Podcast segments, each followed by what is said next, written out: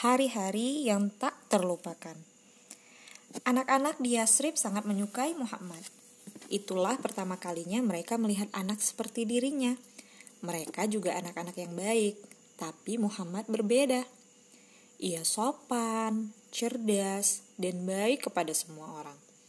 Semua temannya berkumpul mengelilinginya dan mengajaknya berkeliling Yasrib. Muhammad sangat menyukai negeri yang indah itu. Muhammad sangat akrab dengan sepupunya Unaisa. Setiap hari mereka bermain di kebun.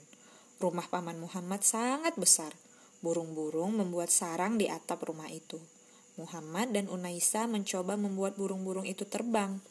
Muhammad sangat menyukai permainan itu. Di belakang rumah itu ada sebuah kolam besar.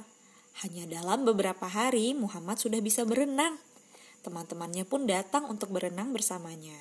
Mereka memainkan banyak sekali permainan yang mengasyikkan. Mereka menunggang kuda, memanah, dan berbalapan. Negeri yang indah itu bahkan menjadi lebih indah dan mengasyikkan lagi dengan semua permainan itu. Penduduk Yasrib menjamu Muhammad dan keluarganya dengan ramah. Itu hari-hari yang paling indah dan mengasyikkan dalam masa kanak-kanak Muhammad.